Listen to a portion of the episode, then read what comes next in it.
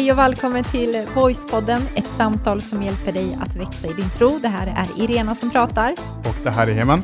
Och lika trevligt som vanligt så är det för mig att se dig hemma framför mig. Det lät väldigt klyschigt kände jag medan jag sa det. Men det känns gott att vi är tillbaka i det här temat perfekt. Och idag så ska vi prata om det här med slängmasken. Mm, och det här är alltså avsnitt fem. Det är det. Så det här blir, och vi är inte klara än. Nej. Utan jag tror vi har ett eller två avsnitt till. Stämmer förutom bra. det här. Mm. Eh, men det här med att eh, slänga masken, det är någonting som vi ska prata om lite mer, men jag tänkte att vi inleder det hela och går tillbaka till och pratar om mitt körkort. Mm. Eh, för att Just jag skulle det. faktiskt fånga upp det igen och berätta lite om min process kring det här när jag tog körkortet. Det har ju varit en evighets, liksom, eh, process. process. Det har vi nämnt några gånger. Det, det var, nämnt, tror jag, fyra år sedan som vi tog det här körkortstillståndet tillsammans. Mm. Och sen så har det ja, men gått lång tid och så har man inte fått till det. Nej, och sen vi har inte tagit tiden till det heller oftast. Precis. Mm. Eh, och, eh, och sen i, i, i, nu till våren då så tänkte vi nu ska vi ta tag i det för att vi behöver verkligen att du har ett, ett körkort för att det skulle förenkla väldigt mycket i, i vardagen. Mm. Eh, och eh, nu har du haft det i en vecka. Och eh, men det hände någonting speciellt den dagen när du skulle ta körkortet. För att först gjorde du teoriprovet. Mm. Och eh, när du gjorde liksom kunskapsprovet. Kunskapsprovet, är det så det heter nu för Jajamensan. Okay. Du gjorde kunskapsprovet och så ja. lyckades du precis på gränsen. 52 eh, poäng fick du och det var ja. precis det man behövde för att klara det. Jag var nöjd. Eh, ja. Och det, det är viktigt att man, att man klarar det. Ja, man blir godkänd, vadå? Mm. Och sen då så ja. skulle du göra uppkörningen. Ja. Eh, och du har ju kämpat så hårt och gjort allt som du kan för att klara eh, uppkörningen på första försöket. Ja. Eh, alltså, berätta jag... varför det var så viktigt. Nej, men just dels för att jag gjorde kunskapsprovet och eh, alltså det så vill jag bara säga, om du håller på att ta körkort och ska göra kunskapsprovet så plugga mycket, det är svåra frågor som kommer upp. Mm. Men jag har fattat det som... Vilket jag ska, smart tips du gav. Ja, plugga mycket, plugga mycket. Det är det. Nej, men, eh, ja, tillbaka till det, för att svara på din fråga så var det ju viktigt för mig, för att man klarar liksom kunskapsprovet på första gång och man fick så här riktig så här boost och bara yes, jag fixade det och det var oftast det är oftast det som man bara vill få klart liksom. Och så tänkte jag så här, vad nice det hade varit att även också klara uppkörningen första gången. Jag vill inte vara en av de här i statistiken av att så här, men jag måste köra på andra eller tredje uppkörning eller fjärde, utan jag vill naila det på första. Jag hade verkligen höga ambitioner och höga tankar om mig själv också. Eh, och då var det dags, liksom, det gick bra. Jag tog en sån här intensiv liksom, kursupplägg eh, där jag körde på ganska intensivt under två och en halv veckors tid. Och jag kände så här, ah, men det går framåt med min körning, det går bra. Eh, vissa saker skulle man justera och sånt, men typ sista körningen där innan det var dags för uppkörning så kändes det jättebra eh, med min trafikskola liksom. Eh, och fick bara pepp, så, ah, men det här fixar du nog, kör du så här så kommer det gå bra liksom. Och då var det dags för uppkörningen och jag var så nervös och jag kommer ihåg att det var en lördag eh, och det var samma dag som vi skulle ha vår avslutningssommarfest som kyrka. Och då kände jag lite så om jag ska vara helt ärlig bara, vad supernice det hade varit att klara uppkörningen, komma dit inridande, eller inridande, inkörandes med sin bil och bara yes, I got this, mm. liksom mm. första av allt. Mm. Eh, det hade känts så bra. Och sen skulle man hålla tal och så skulle man ja, få men applåder. Vet, så, ja, men lite så och bara kom en blomma och Nej, men, nej, så, nej jag får skoja. Kanske inte riktigt. Mm. Men, eh, men just det, att man skulle komma in dit liksom inkörandes med bilen och bara yes, jag klarade det på första. Och det, jag lockades av den tanken och tyckte att det var jättespännande. Jag ville så gärna fixa det. Och då var det dags för uppkörningen och jag kände så här, men ska man verkligen lägga ut nu innan uppkörningen? Eh, ska jag lägga ut på sociala medier att det är dags nu? Ska jag inte vänta in segern först och sen så berättar jag att jag klarar det? Mm. Och jag vet att jag pratade lite med dig om det och jag, man, man känner sig lite så osäker ändå, även om man är självsäker i att ja, men jag kommer naila det här, tror man. Så finns det den här osäkerheten att tänk om jag inte fixar det och sen så har jag redan berättat till folk om att jag gör en uppkörning. Vad, det blir ju jättejobbigt, mm. alltså, för då kommer folk upp, se att jag misslyckas. Mm. Ja, och du la upp, att, uh, du la upp när du skulle göra teorin i uh, vårt Instagram på, ja. i, i, på, i Voicepodden. Mm. Så det gjorde du. Men sen det när det var uppkörning, jag. då gjorde du inte det. Nej, det gjorde det inte. Det var ju vissa som visste om det, mm. eh, typ i vårt ledarteam och sådär. Eh, så det gjorde jag inte, så jag tänkte att jag bara går dit och fokuserar och eh, fixar det. och sen var det den dagen var kommen som sagt och så kör jag. Men så bara fick jag helt hjärnsläpp. Alltså jag fick för mig att man, nu tänkte jag så här, nu ska jag vara så här överambitiös till och med. Mm. Nu ska jag visa hur duktig elev jag är.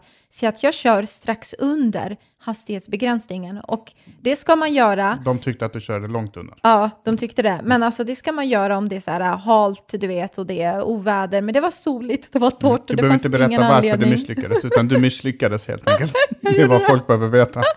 Alla bara, okej, kom till saken. Mm. I alla fall, jag misslyckades på uppkörningen och typ drama queen som jag är så började jag typ gråta i bilen. Mm. Eh, så, jag Medan du satt, medan han satt bredvid. Alltså. Ja, Okej. Så synd om han. Mm. Men jag blev så chockad för jag hade verkligen den bilden av att nu nailar jag det här och Mm. allt bara kraschade liksom. Mm. Men när jag eh, sen ringde dig och du trodde att jag Nej, skämtade med dig. Berätt, jag berätta också vad du gjorde mot den här. Nej, men jag gjorde inget. Alltså jag bara grät och så bara visade jag hur ledsen jag var liksom. Och så tänkte jag bara, ja, alltså nu ska du få se hur ledsen jag är liksom. Eh, men det Typ var... om du tar ner mig, då kommer du åka ner tillsammans med mig. Ja, eller hur?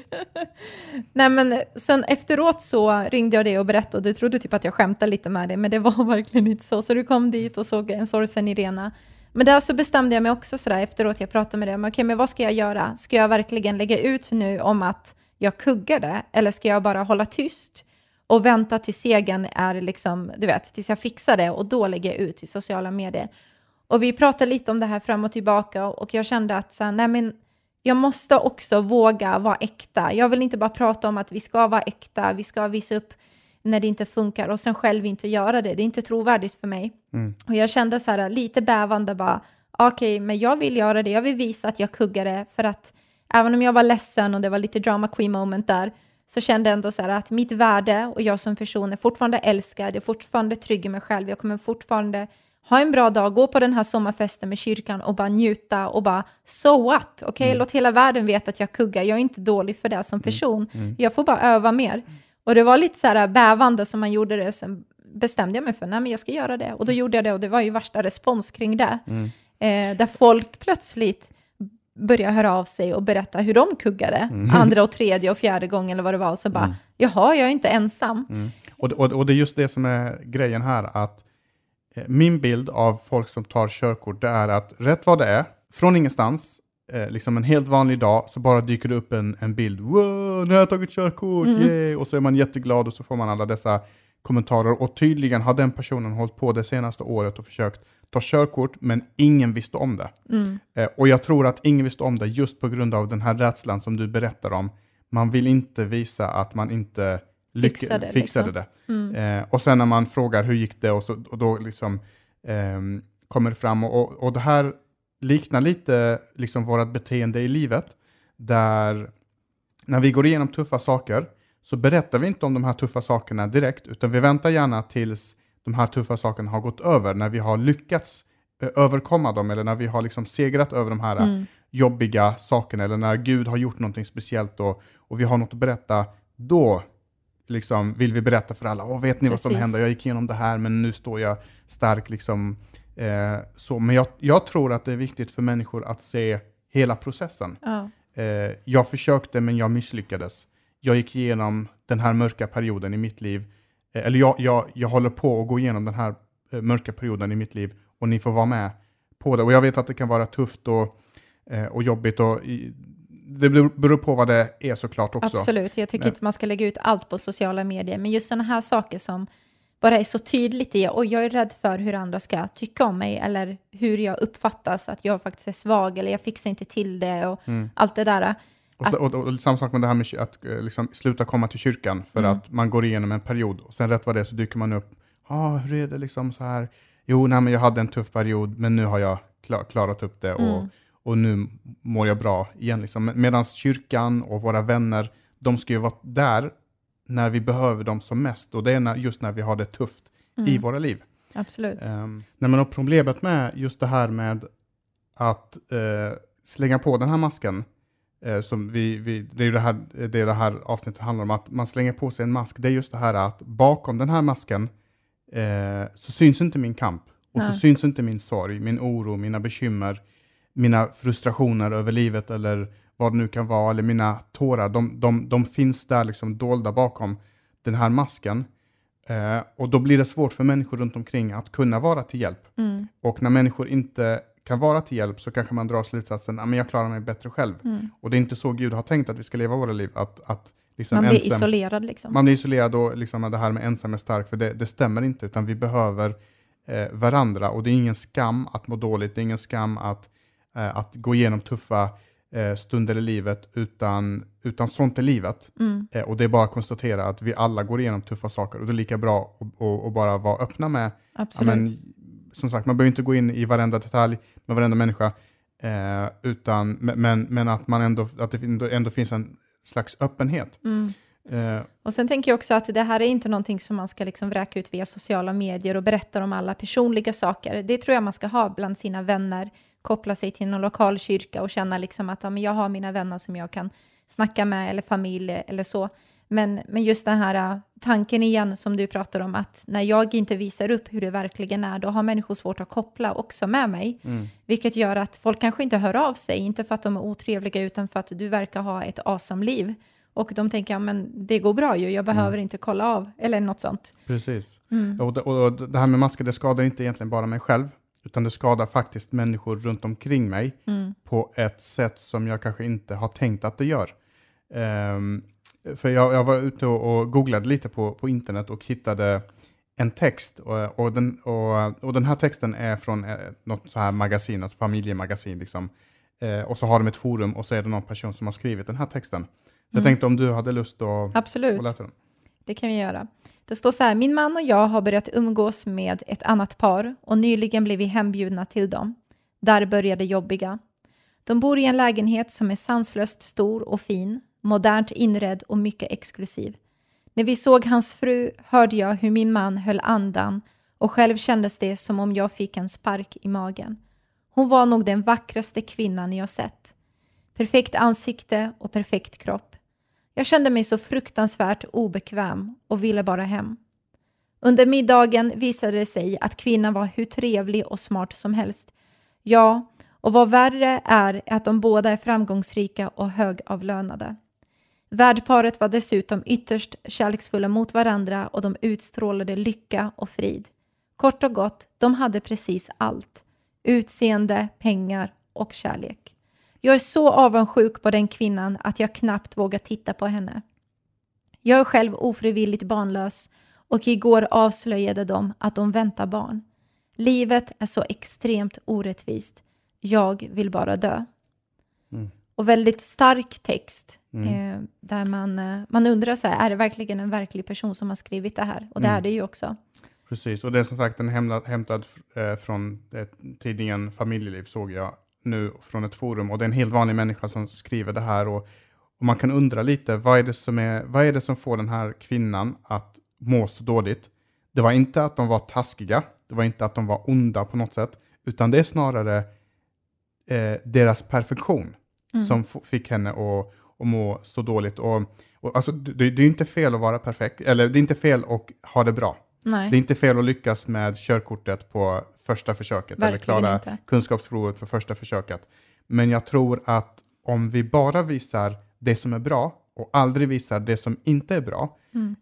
eh, så, så, så är det det som ger intrycket av att ditt liv är perfekt och mitt liv är inte perfekt. Precis. Och jag orkar inte att utsättas för det.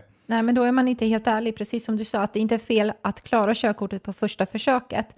Men om man inte gör det, så våga berätta som det är. Mm. Alltså det är mer det det handlar om, att eh, det är inte fel att vara rik, det är inte fel att vara vacker och snygg och eh, liksom kompetent och högavlönad. Absolut inte, det är inte fel i det. Men det finns, verkligheten är att det finns andra sidor där allting är inte perfekt. Ibland är gräsmattan brun och inte fin golfgrön färg liksom på. Mm. Eller vad det nu kan vara, att våga säga de bitarna också. Och i, med den här, det här paret då, eh, hon skriver ju det att, att hon eh, är oavsiktligt barnlös, hon kan inte få barn och så får hon höra att nu ska de få barn. Kanske var det så att de hade tufft att få barn. Eh, kanske är det så att de har bråkat precis innan de kom till eh, eh, liksom den här middagen. Mm. Kanske är det så att en av dem har det kämpigt på jobbet. Alltså någonting måste det finnas som inte är perfekt. Precis. Och eh, lyckas man inte förmedla det också, ja men då målar man upp den här perfekta bilden, inte bara på sociala medier utan också i, i, i det verkliga livet. Och det tror jag faktiskt kan skada människor och få människor att känna precis som den här personen. För jag, jag, jag tror att alla har vi mött personer, jag har mött dem även i kyrkan, de är fina på alla möjliga sätt. Men det är inte, deras, det är inte att de är taskiga som kan såra en, utan det är just att du är så bra så att jag känner mig bara kass i närheten av dig. Mm. Och så bra människor finns det inte helt enkelt, utan mm. då är det någonting annat. Då är det att man, man visar, man, man, man selekterar bara de bästa sidorna och så mm. eh, döljer man resten. Och Precis, och om man tittar på vårt samhälle så verkligheten är att samhället är ju, jag tänker på hur den här masken kan skada andra också, att samhället är ju full av brustna och sårade människor. Alltså det är ju en verklighet som vi lever i. Eh, vi lever i en verklighet att människor känner sig ensamma, människor känner eh, Folk kanske har förlorat jobbet, det finns människor som har gått igenom otroligt tuffa saker som har blivit sexuellt utnyttjade, förkastade, ja, slagna av föräldrar eller liksom andra vuxna eller vad det nu kan vara för någonting. Människor känner, har en dålig självkänsla, man känner sig ful, för tjock eller så är man för smal och så är man mindre värd. Och alla dessa saker är någonting som människor går igenom och så möter man den här perfekta ytan av andra vilket gör att det blir en krock där man kan också uppleva så här, vad är det för fel på mig? Mm. Varför ser mitt liv ut på det här sättet? Varför kan inte jag få till den här perfekta tillvaron som alla andra verkar lyckas få till? Vad, vad är det jag brister i? Mm. Och så tror man att det är problemet ligger i en själv också. Mm. Um, och alla dessa människor som du pratar om, det är inte bara dem, utan det är också vi. Ja. Alltså det här handlar lika mycket om dig, det handlar lika mycket om, om dig. Eh, och i förra avsnittet pratade vi om hur, hur liksom vi har, samhället har skapat, har gjort oss till konkurrenter och inte till liksom medarbetare eller medmänniskor. Um, och, och, och, och, och, och, där tror jag verkligen just det här att, att det här skadar verkligen andra människor när vi verkligen projicerar det här perfekta livet därför att, att eh, jag är brusten och när jag visar att jag är brusten så kopplar någon annan människa på det. Men vet du, jag är också brusten. Mm. Jag, jag har också gått igenom det här. Eh, men, men jag kom förbi det. Eller jag kom aldrig förbi det, men jag tänkte så här på vägen.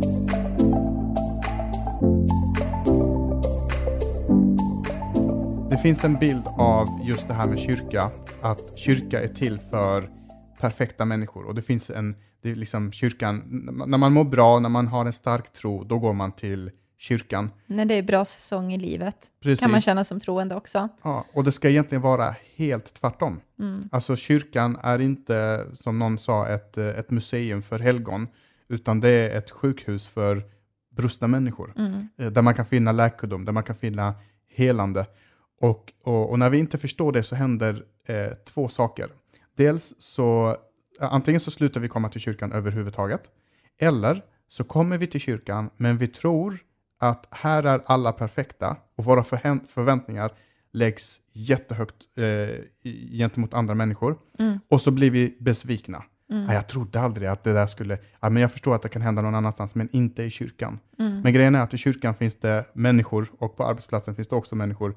Överallt där vi finns, där är människor och där människor finns, där finns operfektion. Mm. Eh, men när vi har för höga ideal, då kommer vi bli besvikna. Ja, men den hörde inte av sig. Eh, och, och, det här är ju en klassiker när man pratar om det här, du vet, om en pastor eller en präst kan säga det att, mm. att eh, ja, men i, i, den här kyrkan så vill vi, vi vill, eh, vi vill bry, bry, oss om varandra. Så tänk om du kunde plocka upp telefonen den här veckan och ringa någon och fråga hur mår du? Mm. Och genast när man hör det så tänker man att ah, nu ska vi se vem som, vem som ringer upp mig. Ja, just det. Och så ringer ingen upp mig och så blir jag besviken på det istället för att nej, men jag kan ju vara den som ringer upp någon annan. Mm. Därför att vi alla, vi sitter alla i samma båt, vi är alla lika operfekta. Precis. Ja, men så är det verkligen. Och kyrkan är än en gång operfekta människor som tror på en perfekt Gud. Ja. Och Jesus har gjort oss perfekt i vår ande, men vi har fortfarande saker i vår själ, i vårt sinne som behöver förnyas och för, förbättras som Gud gör i oss. Men jag tänker också det här att med, än en gång, när vi har de här maskerna och fasaden och allt det, är att vi kommer aldrig kunna hjälpa människor heller och betjäna människor om vi inte själva tar av oss vår mask och är äkta och vågar visa, precis som du sa, våga visa de här svagheterna i våra liv, våga visa dem för varandra, för andra, våga visa att vi är människor, alltså vi är alla på en och samma resa, vi går igenom livet, även om någon har ett flott hus eller någon bor i en liksom, enkel bostad, vad det nu än kan vara, så är vi människor. Vi har Mm. grundläggande samma behov. Vi vill känna oss älskade, sedda, bekräftade och vi vill känna att vi har ett värde. Och vi alla går igenom saker och ting. Och jag tänker att när jag tar mitt ansvar, jag kan inte prata för andra, jag kan inte befalla andra att göra saker och ting, men jag själv kan ta ett beslut i att bara, nej men jag vill inte vara med i den här karusellen. Mm. Jag vill vara äkta. Jag vill visa de bästa stunderna, men jag vill också visa de tuffa stunderna, för det är så man får förtroende för andra människor också. Alltså andra människor får förtroende för dig. Precis, och även i det beslutet så är det ett operfekt beslut. För att Mm. även jag vill vara äkta och så misslyckas vi med att visa vår äkthet. Och så. Men, Ja, ja. Men, men om viljan finns och man har tagit ett beslut, man har tagit steg att men jag, jag vill för min egen skull och Mm. för männi- andra människors skull så vill jag kunna visa vem jag är. Eh, och, och grejen är att det här är inte bara någon, några åsikter som vi har, utan det här är något som Jesus själv tar upp. Mm. Eh, Så tycker man att Jesus är viktig så ska, bör man tycka att det här också är viktigt. För att eh, vid ett tillfälle så, så drar han ju den här eh, berättelsen, han pratar med några fariseer och eh, fariseerna det var en sån här judisk grupp på Jesu tid. Eh, och från början så var det ett judiskt parti som, och, och det de ville det var att de ville ta Bibeln på fullt allvar. De var liksom eh, bokstavstro, tro, troende som man skulle kalla det. Eh, men med tiden så blev de mer och mer så här, eh, vad ska man kalla det, eh, fanatiska, religiösa och, eh, och, och de fick väldigt mycket inflytande för att Mm. deras tolkning av Bibeln, den, den, liksom, den fick lite traction och folk började tycka att eh, men, man börjar se upp till de här och, och enligt Jesus så tyckte han att de här människorna, de här fariseerna, de la bördor på andra människor som de själva inte kunde bära. Mm. Eh, men de låtsades som att de kunde bära dem, men de kunde själva inte Mm. eh, eh, bära det. Och Jesus, liksom om man tittar på vad Jesus tyckte var irriterande, var inte att de människorna, för att det man måste förstå med de här fariséerna är att de ville älska Gud, de ville göra rätt, de ville leva ut efter vad Guds lag och bud var och så vidare. Och precis som du sa så la de, la de bördor på människor som de själva inte ens kunde leva upp till. Och Jesus största problem med dem var, eh, och som han liksom eh, också pratade med dem om var just det här hyckleriet, att på utsidan så såg de ju så otroligt fina och välpolerade ut och perfekta och de hade fina filters och allt vad det var. Eh, på utsidan såg det bra ut, men inuti så var det inte allt perfekt, liksom, Nej. långt ifrån. Precis, och det är dessa fariseer då, den här gruppen med människor som han möter. Och så för att få dem att förstå så, så drar han en, en, en berättelse, en liknelse till de här. Eh, och den här berättelsen finns i Lukas evangeliet, ett av eh, böckerna i Nya Testamentet, kapitel 18 och vers 9. Eh, och vi ska läsa hela vägen till vers eh, 14. Och alla de här finns i, i noterna till det här programmet. Eller noter heter det inte på, notes kallar det på, heter det på engelska. Anteckningar. Anteckningarna till det här avsnittet kan man se om, om jag pratar för fort. Hur som helst, och där står det så här. Till några som litade på sin egen rättfärdighet, det vill säga sin egen perfektion, och som såg ner på andra människor berättade Jesus denna liknelse. Två män gick till templet för att be. En av dem var farisé, som den här gruppen människor, och den andra var tullindrivare. Och jag ska bara säga några ord om tullindrivare också. Tullindrivare nämns väldigt ofta i Nya Testamentet ihop med syndare. Där Mm. står syndare och tullindrivare. Så det här var människor som, De hade eh, en egen kategori för sig själva. Precis, Ja. de, de hade väldigt dåligt rykte och det var för att eh, de, det var judiska människor som jobbade för romarriket och de tog pengar från människor som, eh, på ett olovligt sätt, mer än vad de behövde. Mm. Hur som helst, så de hade ett väldigt dåligt rykte. Så han säger så här att en av dem var farisé och den andra var tullindrivare, alltså de gick till templet. Farisén stod för sig själv och bad, tack Gud för att jag inte är som de andra. De som stjäl, gör orätt och är otrogna i sitt äktenskap, eller som tullindrivaren där borta. Jag fastar två gånger i veckan och jag ger tionde av allt som jag tjänar. Men tullindrivaren, han stod en bit bort och vågade inte ens lyfta blicken mot himlen utan slog händerna på bröstet och ropade Gud, var nådig mot mig syndare. Så här har vi två personer, den Mm. ena har det här till synes perfekta livet, han gör allt rätt, liksom allt enligt regelboken. Och det som är Eh. intressant med det, att han gör allt rätt, är att det är inte fel att han fasta och det är inte fel att han gav tionde. Han följer ju de bibliska principerna. Men just att hans attityd och hjärta var ju skev i att han trodde att han var all that. Mm, precis. Och han, han har den här perfekta, och så eh, lite längre bort i samma tempel så står det en person eh, som har dåligt rykte om sig, vågar inte ens titta upp mot himlen och slår sig på bröstet och säger Gud, förlåt mig, var nådig mot mig, eh, syndare. Och så säger Jesus det här, så tänker man, hmm, jag undrar vem Jesus eh, tycker liksom, gjorde mest rätt. Och då står det så här i sista versen då, som vi ska läsa i vers 14. Jag säger er, säger Jesus, jag säger er att han var det, inte den andra, som gick hem rättfärdig. Mm. Alltså tullindrivaren, syndaren, det var han som gick därifrån perfekt gjord i sitt inre. Och så ger han en förklaring där efteråt. Precis, för den som upphöjer sig själv ska bli förödmjukad, men den som ödmjukar sig ska upphöjas. Mm. Eh, så det enda felet, som sagt, felet var inte att, att han, han gav 10% av sin inkomst, det är vad tionde betyder för den som Mm. undrar. Eller att han gjorde alla de här sakerna, att han inte är otrogen, eller om han nu är det. Allt det där är jättebra. Eh, utan det som var problemet, det var just den här masken som han satte på sig, Mm. som gjorde att Gud kan inte nå fram till den personen. Gud kan inte göra speciellt mycket i den personens liv för att den människan klarar sig helt på egen hand. Mm. Medan den andra är helt utblottad och säger Gud, jag förtjänar inte Mm. ens att bli älskad av dig. Var nådig mot mig liksom. Och Precis. så var det han som gick därifrån Mm. och eh, perfektgjorde och rättfärdig liksom, i, i sin ande. Verkligen. Så om den här farisén bara hade kunnat erkänna att jo men jag har också brister i mitt liv, så hade han också kunnat gå därifrån och känna eh, yes, eh, Ja.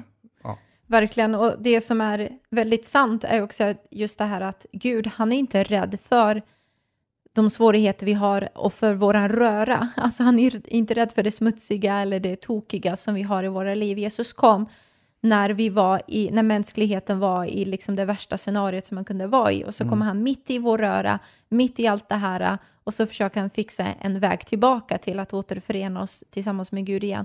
Så Gud är inte rädd för min röra som jag har i mitt liv. Gud är inte rädd för Mina din röra. problem, mina Nej, bekymmer. men precis, verkligen inte, utan han, han vet om det och trots det så väljer han att älska oss, trots det så, så ger han sitt liv för oss. Mm. Eh, och mitt i min röra så vill han att jag liksom ska våga leva ut mitt liv och vara äkta och våga visa mig sårbar och våga visa brustenhet medans han gör ett verk i mig, medans han håller på och utvecklar det goda liksom i mitt liv. Precis. Eh, Och jag gillar det som också står i den här texten, jag tycker det är väldigt intressant, där det står att den här personen, han slog sig mot, på bröstet och Mm. ropade till Gud.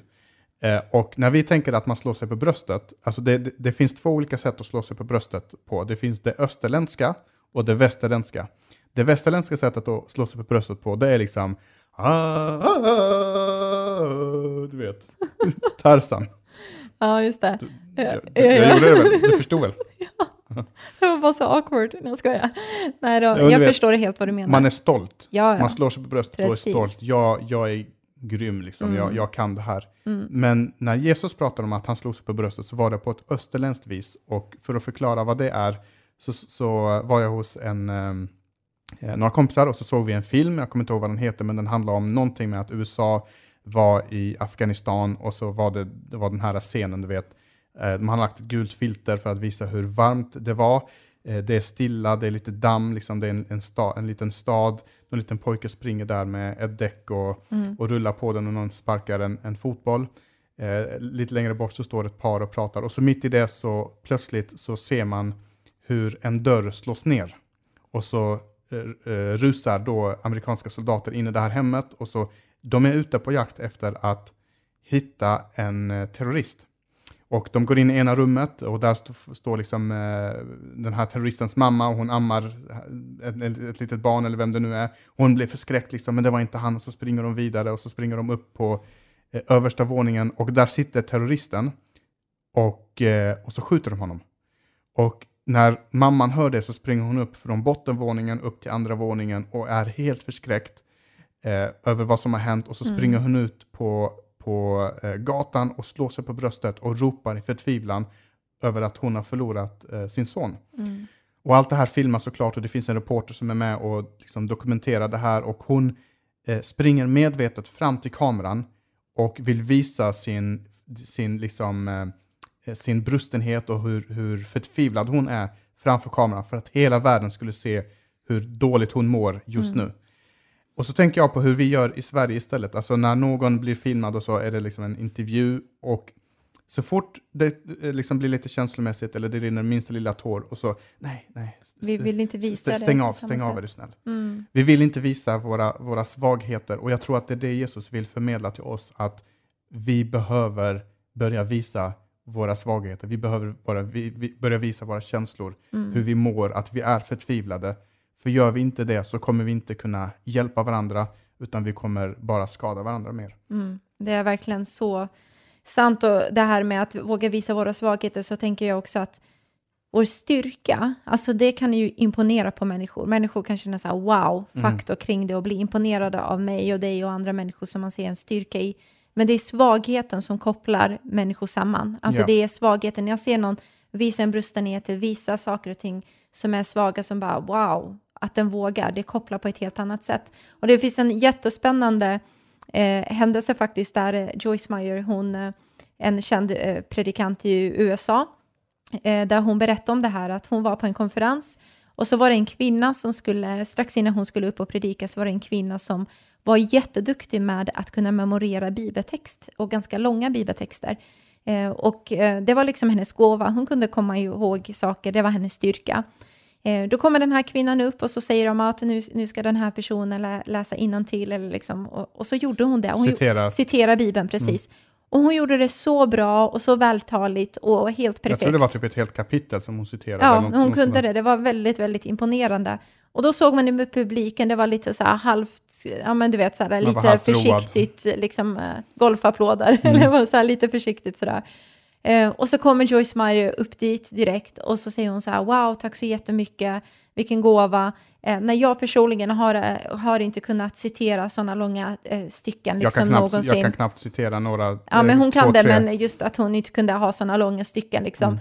Och folk bara applåderade på och det vart hejvilt. Och hon berättade om det, att hon blev nästan chockad över hur glada människor var över hennes, liksom att hon inte klarade av det. Mm. Eh, som var hennes svaghet, men det där var den andra personens styrka. Och än en gång just det här att det blir så tydligt att vi imponerar människor eh, med våra styrkor, men än en gång så kopplar vi med varandras svagheter. Och jag tror att när vi kommer till den punkten att vi vet att vi är älskade av Gud, det är han som har likat mig och det är den största liken jag kan få i mitt liv, då kan de här maskerna också åka av, jag kan vara mig själv. Då börjar livet starta på nytt sätt. Alltså då börjar jag leva ett liv ute i frihet. Frihet jag menar i att inte leva efter andra människors bekräftelse, andra människors gillande och hjärtamarkeringar, utan jag har ett eget driv som driver mig för något annat. Liksom. Eh, och då tror jag att också läkedom kan börja pågå, eh, påbörja i våra hjärtan också. Mm. Ja, utan, utan det här så, så, ehm, så kommer vi inte kunna läka de såren. Ehm, jag vet personer som har burit saker inom sig under hela sin uppväxt. Hur man har blivit behandlad av sina föräldrar, eh, favoriseringar, eh, sak, eh, liksom pojkvänner, flickvänner som har gjort slut på taskiga sätt eller vad det nu kan vara, så har man bara burit det här och så blir man på ett speciellt sätt men man förstår inte varför är jag som jag är. Och så när man sitter och pratar så kan man nämna ett, och kan du, kan du inte bara berätta lite, vad hände när, eh, då för 20 år sedan, när, när den här grejen uppstod? Och så börjar liksom tårarna rinna.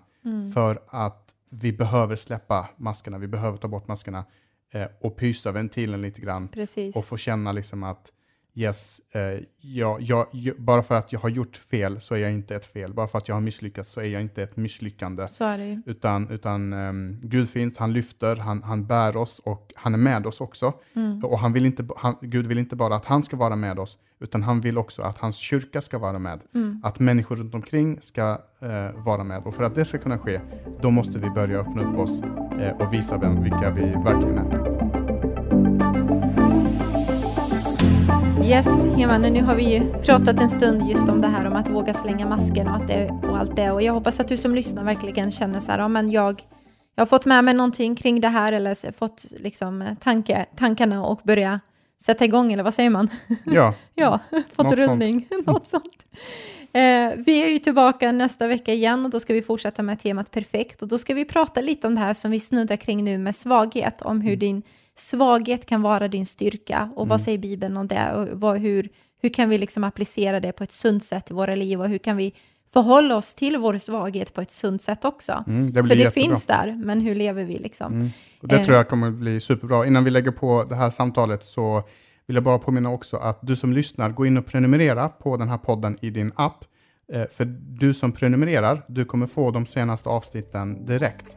Eh, För de som inte prenumererar, där kan det ta upp till 48 timmar eller något i den stilen innan man ser det här avsnittet då i sin telefon. Men gå in och prenumerera om du har en, po- en podcast-app. Och eh, så syns vi igen nästa Det vecka. gör vi verkligen. Ha det jättebra nu. Hej då!